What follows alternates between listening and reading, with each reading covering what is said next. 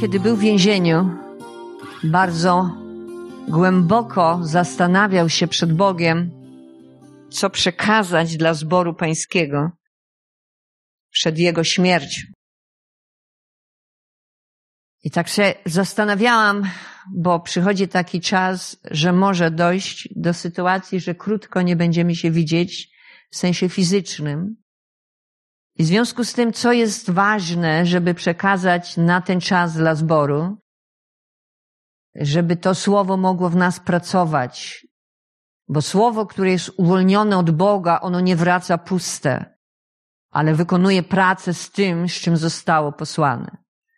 Chciałabym ubłogosławić tę społeczność słowem na ten czas, aby ono nie tylko nas zbudowało, ale ono nas było dla nas ochroną i ostrzeżeniem w tych niepewnym czasie, w którym żyjemy. Mówię na krótki czas, bo wierzę, że, że mój stan szybko wróci do zdrowia. Natomiast chcę dzisiaj to, co Bóg powiedział, podzielić się słowem odnośnie sumienia. Wiele razy słyszę takie określenia, kiedy ludzie mówią: Moje sumienie mnie nie oskarża. Albo mówią w ten sposób: Moje sumienie jest czyste. Tak naprawdę, czy nasze sumienie jest czyste, to może tak naprawdę do końca stwierdzić sam Bóg. Ale jest w nas takie poczucie czasami pewności, że my jesteśmy w porządku wobec Boga i wobec drugiego człowieka. Poruszyć chcę problem sumienia, dlatego że zrozumiałam poprzez Boże objawienie, że jeżeli nasze sumienie jest zanieczyszczone, My nie jesteśmy w stanie komunikować z Bogiem. My nie jesteśmy w stanie wchodzić w Bożą chwałę. W ogrodzie Eden Adam i Ewa zostali stworzeni z doskonałym sumieniem. Bo to, co stwarza Bóg, jest cudowne. Jest napisane, że Bóg cudownie nas stworzył w łonie naszej matki. Utkał nas tak jak chciał.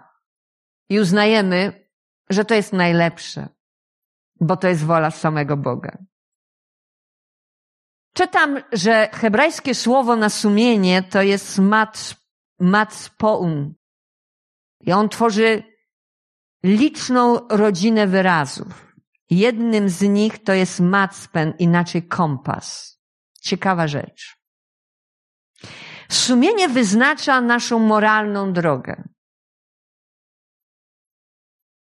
Kiedy Twoje sumienie jest czyste przed Bogiem i drugim człowiekiem, Ty będziesz bardzo wrażliwy na to, co nie jest Boże. Będziesz bardzo szybko to odbierał w duchu.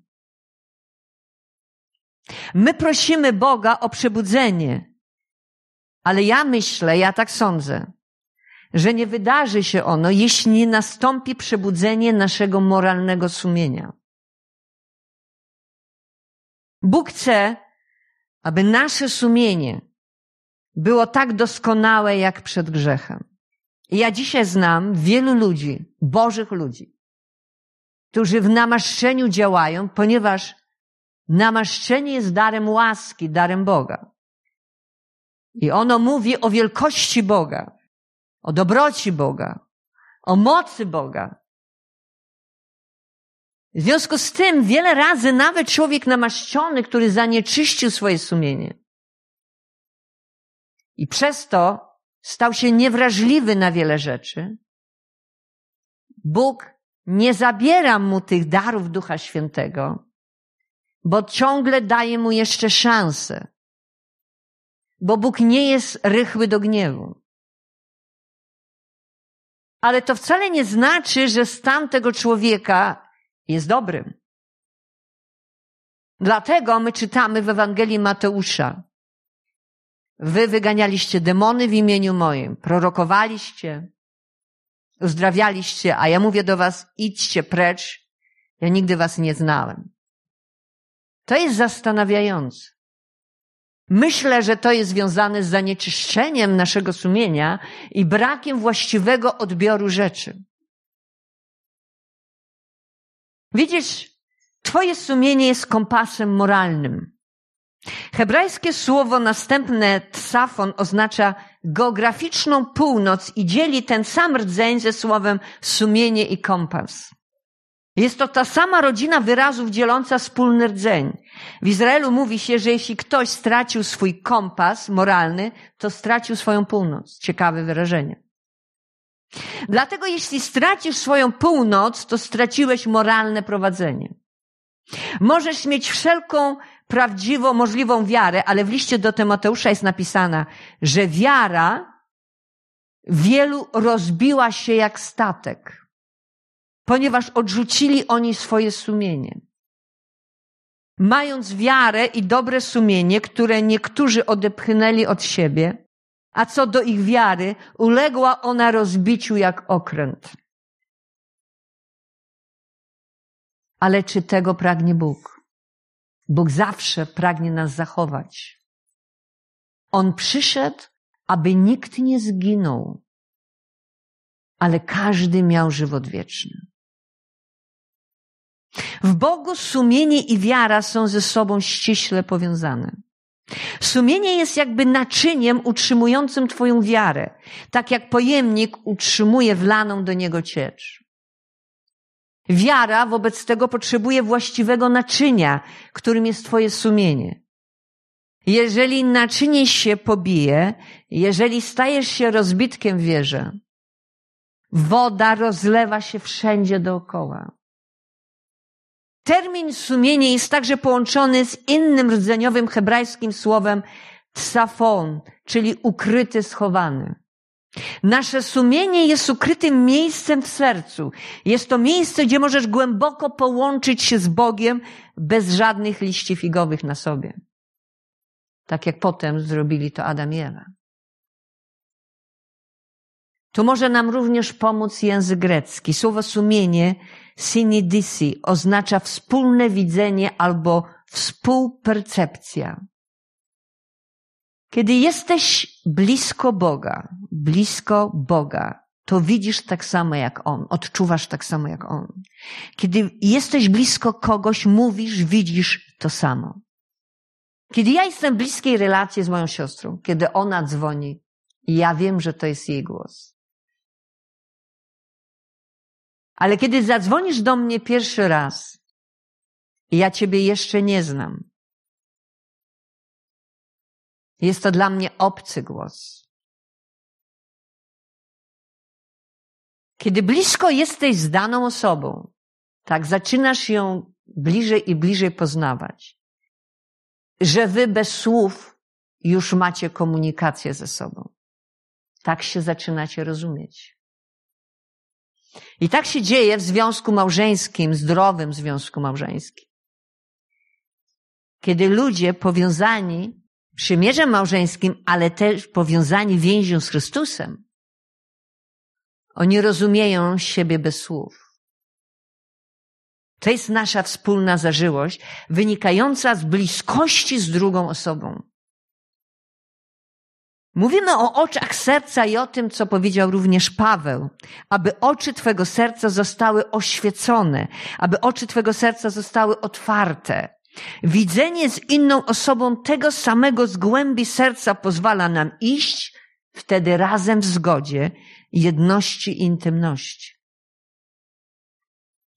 Nie możemy iść razem w zgodzie, jeżeli nie mamy szacunku i respektu dla siebie. Nie możemy razem iść w zgodzie, jeżeli nie znamy się bliżej. Poznawanie jest procesem. Jest wspaniałą rzeczą, że kiedy my się poznajemy, odkrywamy o sobie wspaniałe rzeczy cudowne. Coś, co było zakryte przed nami. Ale w Bożym czasie jest to odkrywane przez Boga, ponieważ uznał On sam to za stosowny czas. A więc Boże połączenia są w zgodzie, jedności i wynikające z intymnej relacji z kimś. I to jest relacja, jaką miał Adam i Ewa z Panem. To była wspaniała relacja, cudowna relacja. Mieć samego Boga obok siebie.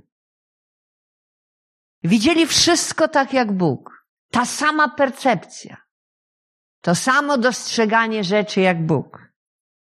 Nie było pamięci o grzechu, ponieważ nigdy wcześniej nie zgrzeszyli.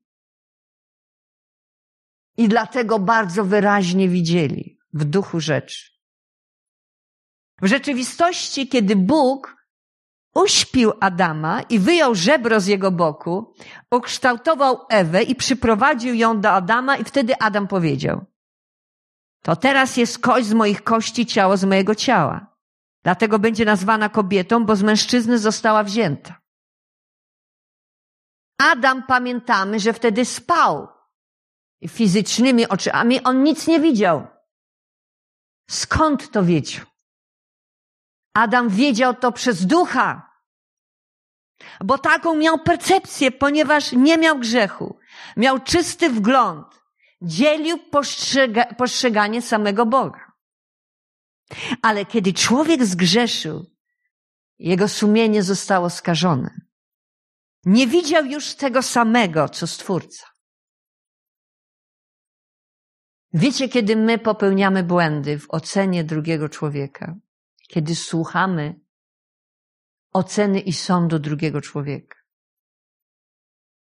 Mądrą rzeczą jest zawsze pytać Boga, co Ty, Boże, masz do powiedzenia na temat tego człowieka. Amen. Bo bardzo łatwo sugerujemy się czyjąś opinią.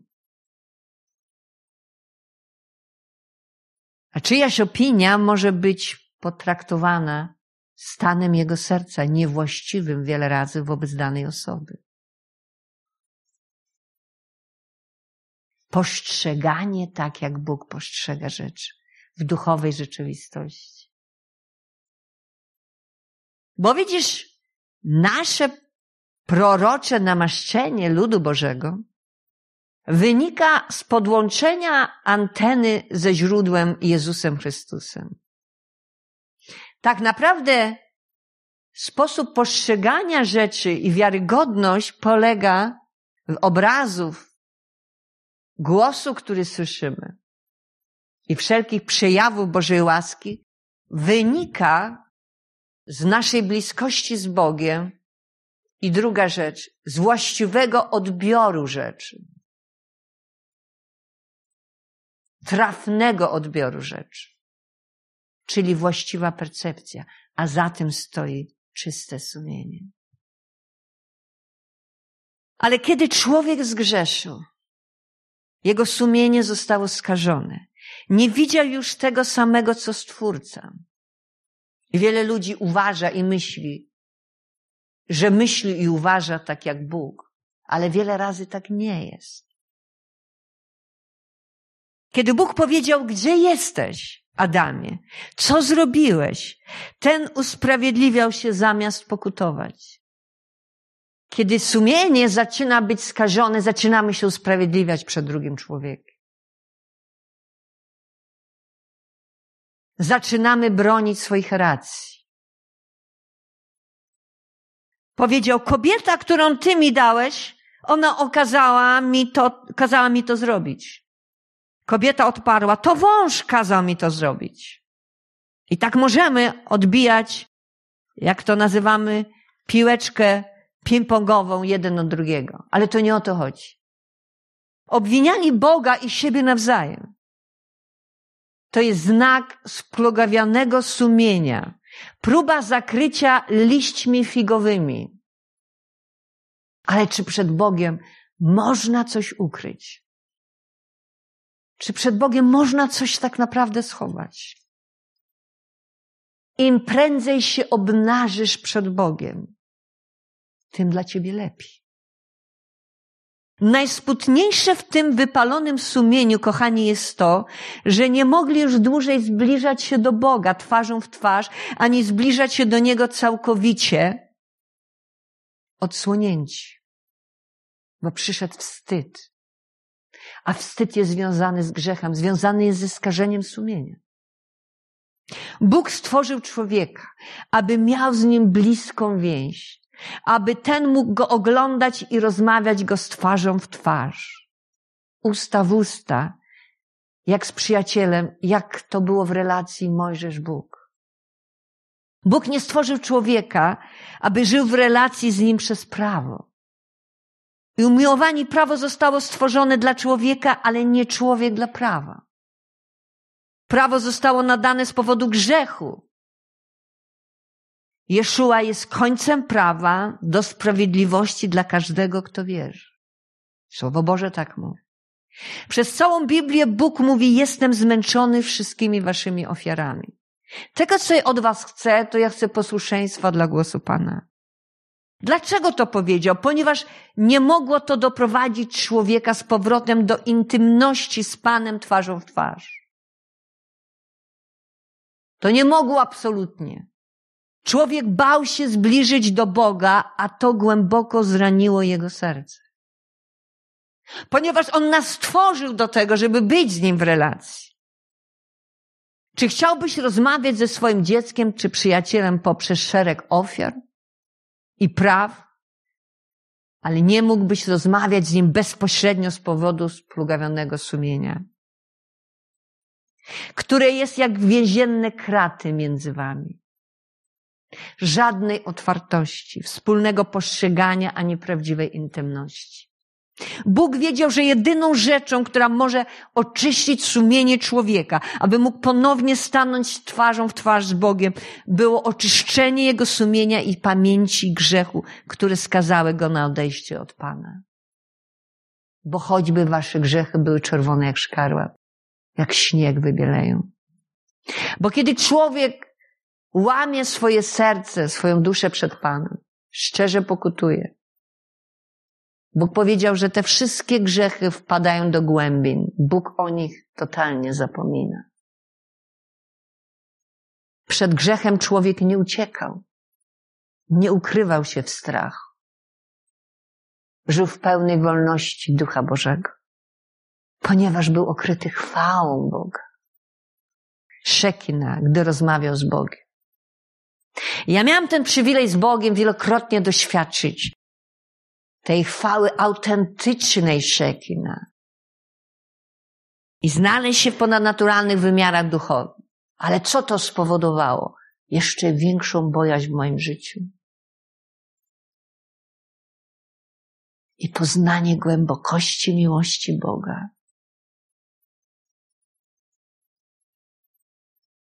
Nie da się tego opisać. Ale musisz zrozumieć jedną rzecz. Bóg powołał nas do chwały. I chce, żebyśmy tu na ziemi już tego zasmakowali. Amen. Człowiek chodził z Bogiem jako przyjaciel okryty Jego chwałę. I Bóg chce nam to przywrócić. Bo jest miłosierny, bo jest łaskawy, bo jest nierychły do gniewu, bo jest przychylny. Amen. Bo kiedy Mojżesz powiedział, Panie, ja chcę zobaczyć Twoją chwałę. I kiedy chwała ujrzał, on zobaczył atrybuty samego Boga. Amen. Widzisz, to właśnie robi Bóg podczas przebudzenia. On musi najpierw przebudzić nasze sumienia do pełnego życia w Chrystusie. Amen. Budzi sumienie, aby sprowadzić ducha pokuty. Następnie oczyszcza nasze sumienie, abyśmy mogli być przykryci i napełnieni Boga chwałą. Szekina, aby chodzić z Nim w Jego chwale. W Nim Hel i Szekina, chwała na nas. Adam stał w obecności świętego Boga bez lęku, ponieważ był okryty Bożą chwałą.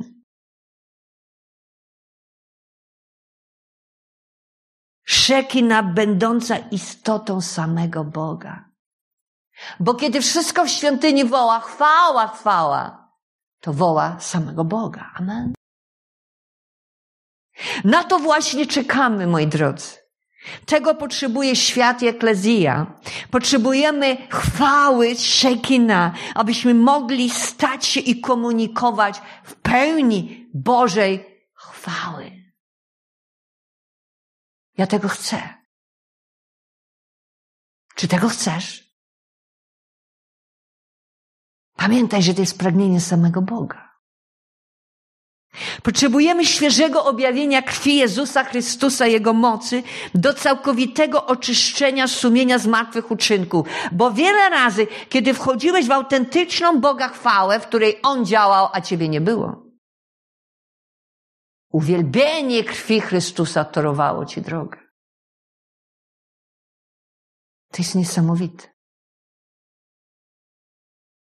Oczyścić nasze sumienie z martwych uczynków nie to, co moje ciało chce, ale to, co Duch Boży chce. Amen. We mnie i przeze mnie. Abyśmy służyli żywemu Bogu w królestwie Jego chwały. Bóg nas będzie zaskakiwał.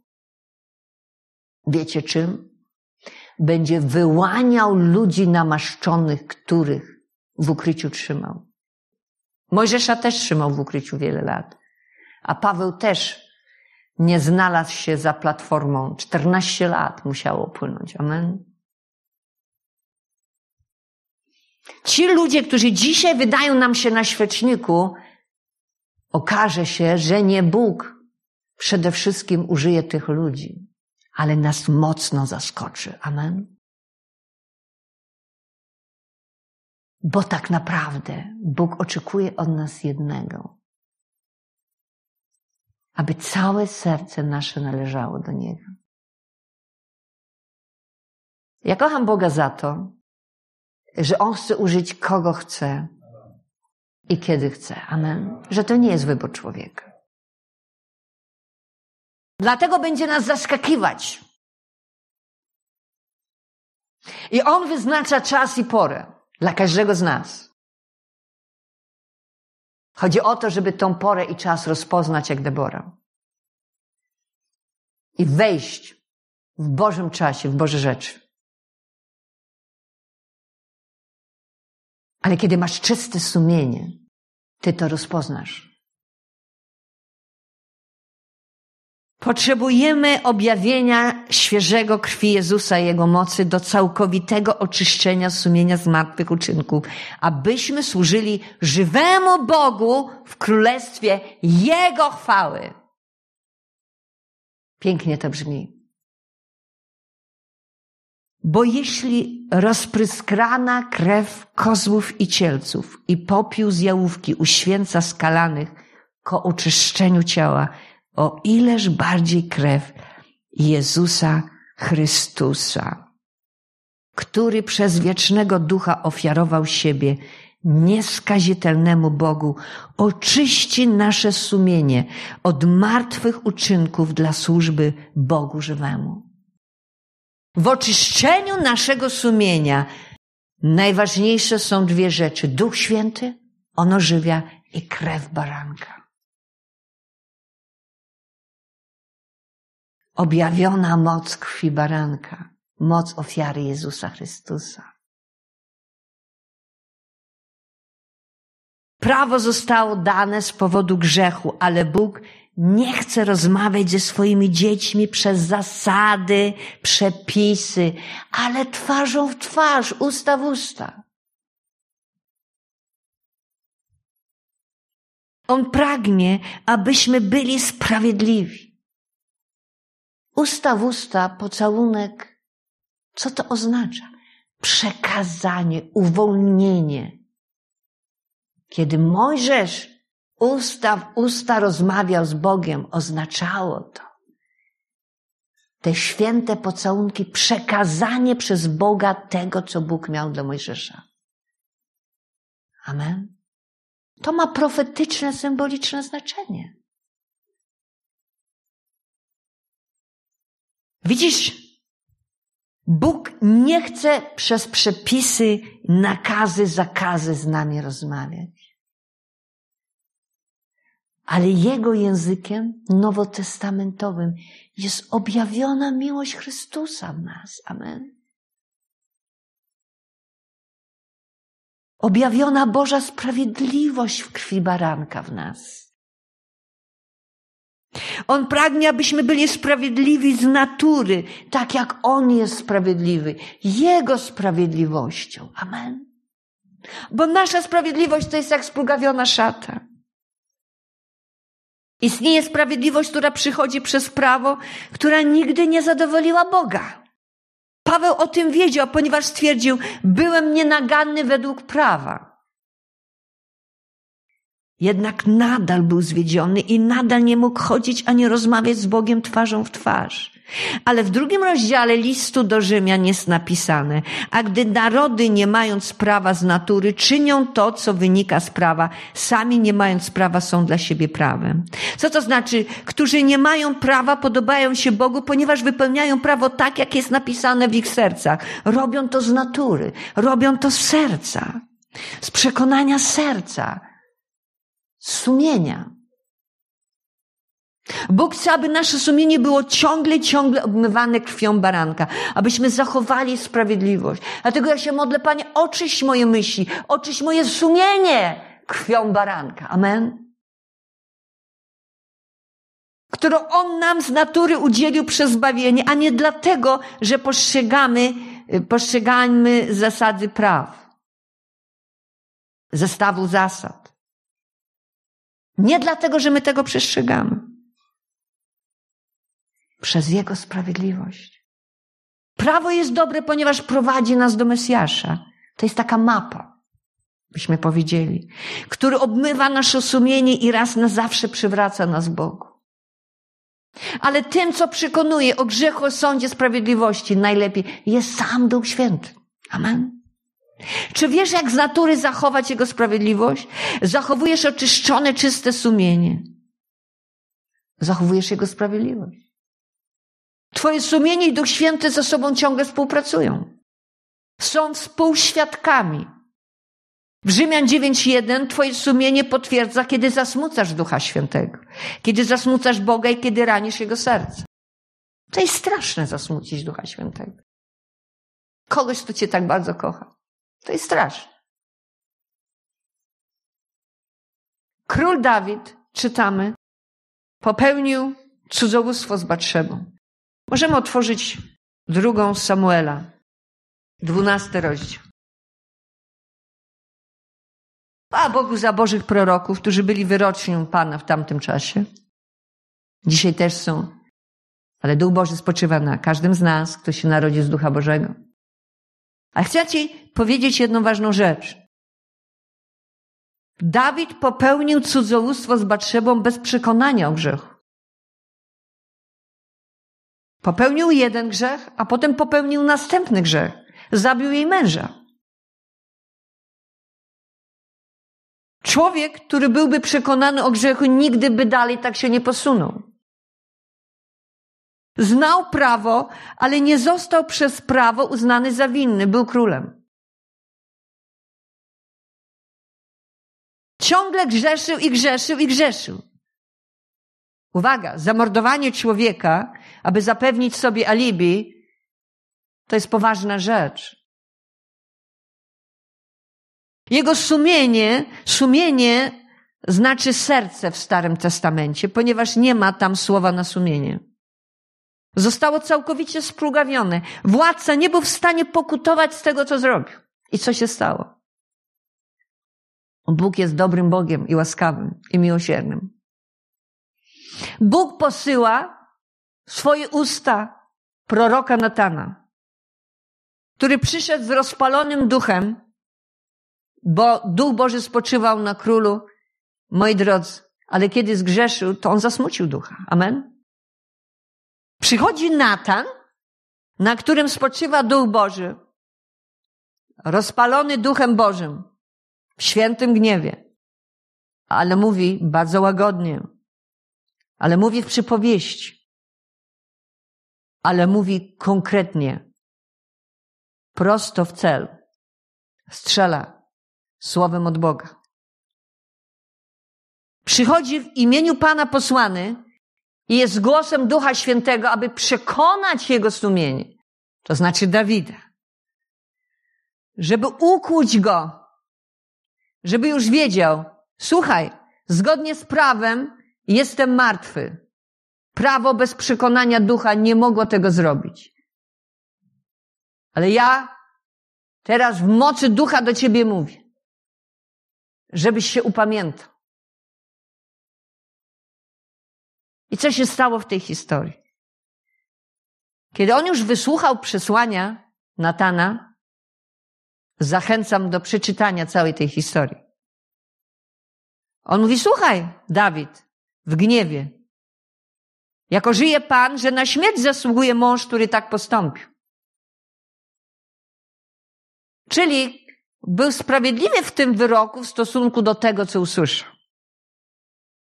Za owieczkę zapłaci w czwórnasób, dlatego że taką rzecz uczynił i że nie miał litości. I wtedy Natan rzekł do Dawida, ty jesteś tym mężem. Tak mówi Pan, Bóg Izraela. Ja cię namaściłem na króla nad ja ciebie wyrwałem z ręki Saula, dałem ci dom twojego Pana, żony twojego Pana na twoje łono, dałem ci dom Izraela, Judy, a jeśli by to było za mało, byłbym dodał ci jeszcze nadto. Dlaczego też zgardziłeś słowem Pana? Popełniając zło w oczach jego. Uriasza Hetejczyka zabiłeś mieczem, jego żonę wziąłeś sobie za żonę, jego zaś zabiłeś mieczem Amonitu. Teraz już nie odstąpi miecz od twojego domu po wszystkie czasy, dlatego że mną zgardziłeś i wziąłeś żonę Uriasza Hetejczyka, aby była twoją żoną. Tak mówi Pan. Oto wzbudzę zło w Twoim własnym domu przeciwko Tobie i na Twoich oczach zabiorę Ci Twoje żony i dam je innemu i będzie z nim obcował w blasku Twego słońca. Ty wprawdzie uczyniłeś to potajemnie, ja jednak uczynię to wobec całego Izraela i przy blasku słońca. Wtedy Dawid rzekł do Natana, zgrzeszyłem wobec Pana. Konsekwencje na pokolenie przyszło. Ale ponieważ Dawid zareagował od razu, od razu zareagował na słowo Pana. Nie owijał niczego w bawełnę, powiedział: Zgrzeszyłem. Jestem grzesznikiem. I wtedy Natan rzekł do Dawida: Pan również odpuścił Twój grzech, nie umrzesz. Wiecie dlaczego odpuścił? Bo on od razu przyznał się do grzechu, od razu pokutował bo Pan jest dobry i łaskawy. Amen. Ale musiał zapłacić cenę. Musiał zapłacić cenę, konsekwencje za grzech. Co to znaczy? Dziecko, które porodziło się z grzechu, umarło. Ale ponieważ Bóg jest łaskawy i litościwy, dał mu następne dziecko, Salomona, którego imię znaczyło umiłowany przez Pana. Amen. Pan oczyścił to, co było karzone przez grzech. I dał Salomona, który kończył, budując przybytek, wizję, jaką Bóg dał Dawidowi, budowy domu pańskiego. Amen. Teraz zastanów się. Widzimy tutaj bardzo wyraźnie, że Słowo Boże mówi, że krew Jezusa oczyszcza nas przez Ducha Świętego Hebrajczyków 9:14. Możesz zostać całkowicie odnowiony w swoim sumieniu.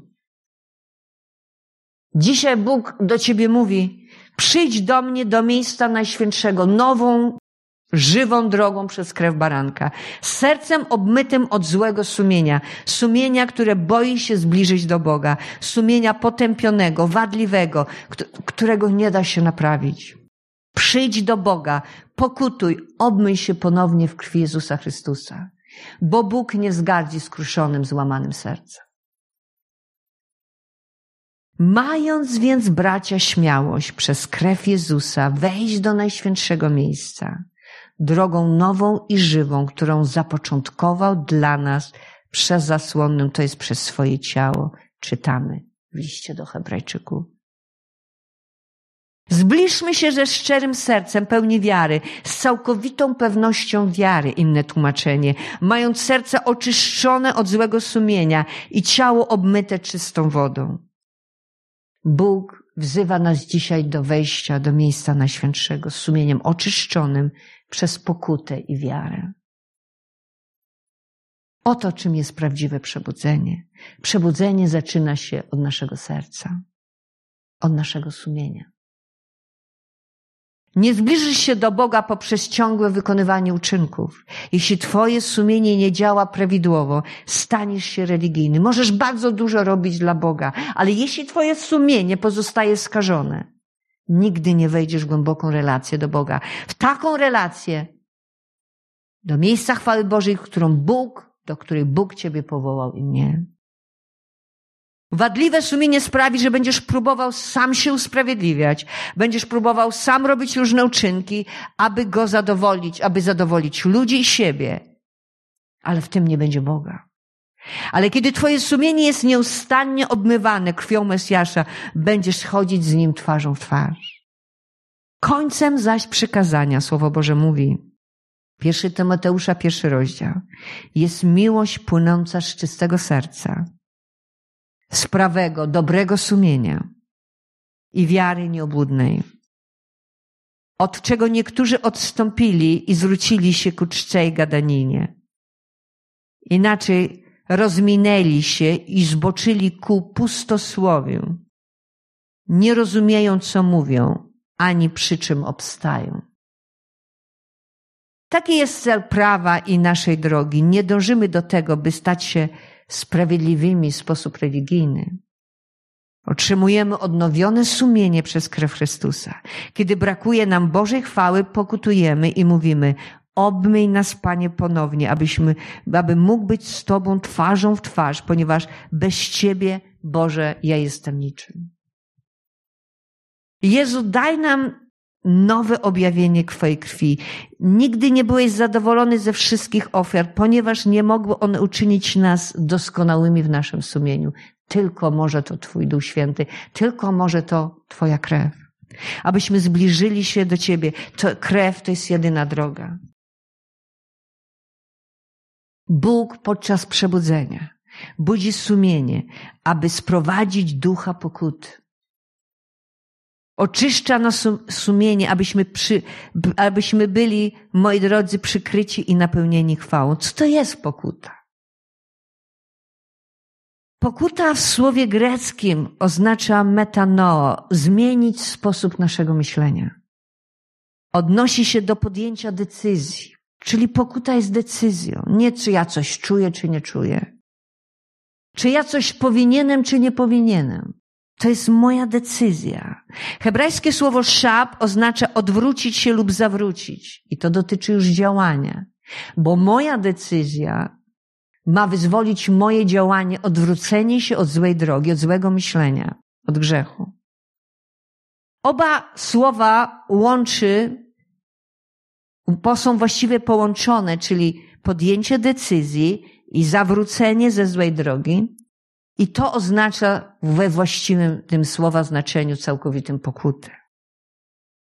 Więc podjęcie decyzji, która prowadzi do wynikającego z niej działania. Więc nie może być działania bez podjęcia decyzji najpierw. A potem zgodnie z tą decyzją ja dalej postępuję. Wiele osób dzisiaj wyznaje grzechy Bogu i ludziom, ale nie zmienia swojego myślenia, postępowania. Dobrym przykładem to jest przypowieść o synu marnotrawnym. Najpierw podjął decyzję, wstanę i pójdę do mojego ojca, a następnie urzeczywistnił to odpowiednim działaniem. Jakie to było działanie? Odwrócił się i poszedł do domu tą samą drogą, którą wcześniej odszedł z tego domu. Spotkało się to z przyjęciem ojca całkowitym swojego syna. Pokuta inaczej to jest jakby 180 stopni zwrot do właściwego kierunku. Nie będzie pełna pokuta, jeżeli nie będzie za tym szła decyzyjność w działaniu. Bóg wymaga pokut. Jasno powiedział o tym Jan Chrzciciel. Pokutujcie, albowiem przybliżyło się Królestwo Niebieskie. Abyśmy mogli zobaczyć pełnię Królestwa Bożego, pełnię chwały.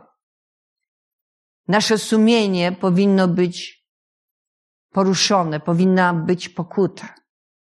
Ponieważ sam Jezus mówi podobnie, wypełnił się czas i przybliżyło się królestwo, pokutujcie, a wierzcie Ewangelii. Prawdziwa pokuta pozwala, że jesteśmy w stanie uwierzyć Ewangelię, przyjąć Bożą łaskę. Amen.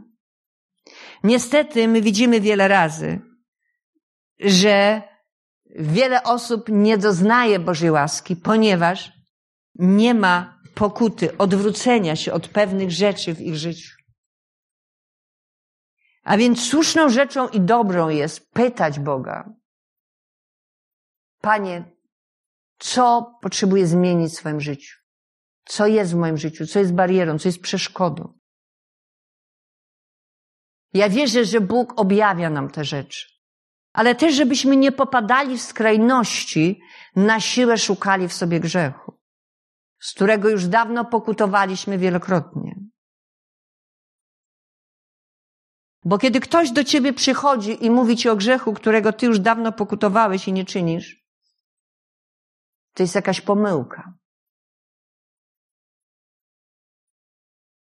Potrzebujemy naprawdę być osobami, które przyjmują łaskę i żyją w łasce Bożej.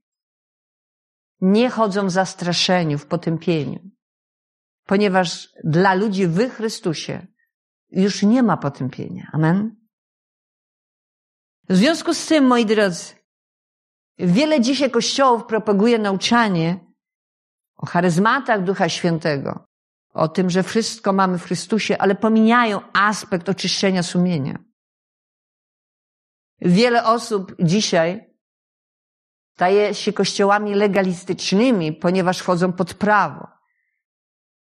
Ciągle szukają grzechu, ciągle nie potrafią sobie przebaczyć, ani przebaczyć innym, ciągle nie potrafią przyjąć przymierza łaski, jakie mamy w Jezusie Chrystusie.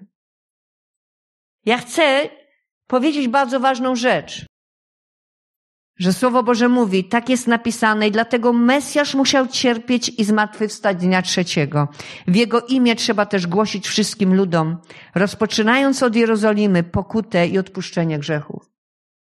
Pełna Ewangelia to jest przyprowadzenie człowieka do miejsca oczyszczenia jego sumienia. To, co powiedział Piotr. Pokutujcie. Amen. Odwróćcie się od grzechów. Trzy tysiące ludzi się nawróciło. A potem dajcie się ościć w imię Pana Jezusa. Teraz na odpuszczenie tych grzechów. My widzimy, że Paweł opisuje swoją służbę w Efezie w ten sposób, w 20 rozdziale. Jakobym się nie schraniał, schraniał niczego, co było pożyteczne, abym wam nie oznajmił i nie uczył was jawnie i po domach, świadectwo wydając i Żydom i Grekom o pokucie ku Bogu i o wierze w Pana naszego Jezusa Chrystusa. Ten aspekt pokuty zawsze jest przed uwierzeniem. A więc Paweł bardzo jasno daje do zrozumienia, że przesłanie, które głosi Żydom i Grekom, nieważne czy publiczne, czy prywatne, jest to przesłanie, jest jedno, pokutujcie najpierw i miejcie wiarę w Boga dopiero. A pod koniec Nowego Testamentu w objawieniu Jana, Jan zapisuje przesłanie do siedmiu kościołów w Azji. Pięć z nich w pierwszych słowach otrzymało wezwanie do pokuty. Myślę, że te proporcje nas zmuszają do myślenia. Moi drodzy, czyli żeby pozbyć się problemów, to wielokrotnie problem jest w zanieczyszczeniu sumienia, brak pokuty. Kiedy ludzie usłyszeli przesłanie o pokucie, byli mu posłuszni, ich problemy potem były rozwiązywane. Często jakiego rodzaju są to problemy w życiu ludzi? Bunt przeciwko Bogu, przeciwko Jego Słowu, przeciwko Bożym autorytetom. My widzimy teraz, że Bóg chce, abyśmy się poddali całkowicie Jego autorytetowi. Żeby nasza pokuta wynikała ze złamanego serca i była szczera i otwarta przed Bogiem. To znaczy, jak ja mam się modlić? Powiem prosto. Panie, oto jestem. Poddaję się zupełnie Tobie, całkowicie. Rób Boże ze mną, co chcesz. Powiedz mi, co mam robić, pokaż mi. Co jeszcze mam zmienić? Amen. Bo prawdziwa pokuta to jest całkowite odwrócenie się od grzechu i poddanie się Bogu i Jego autorytetowi.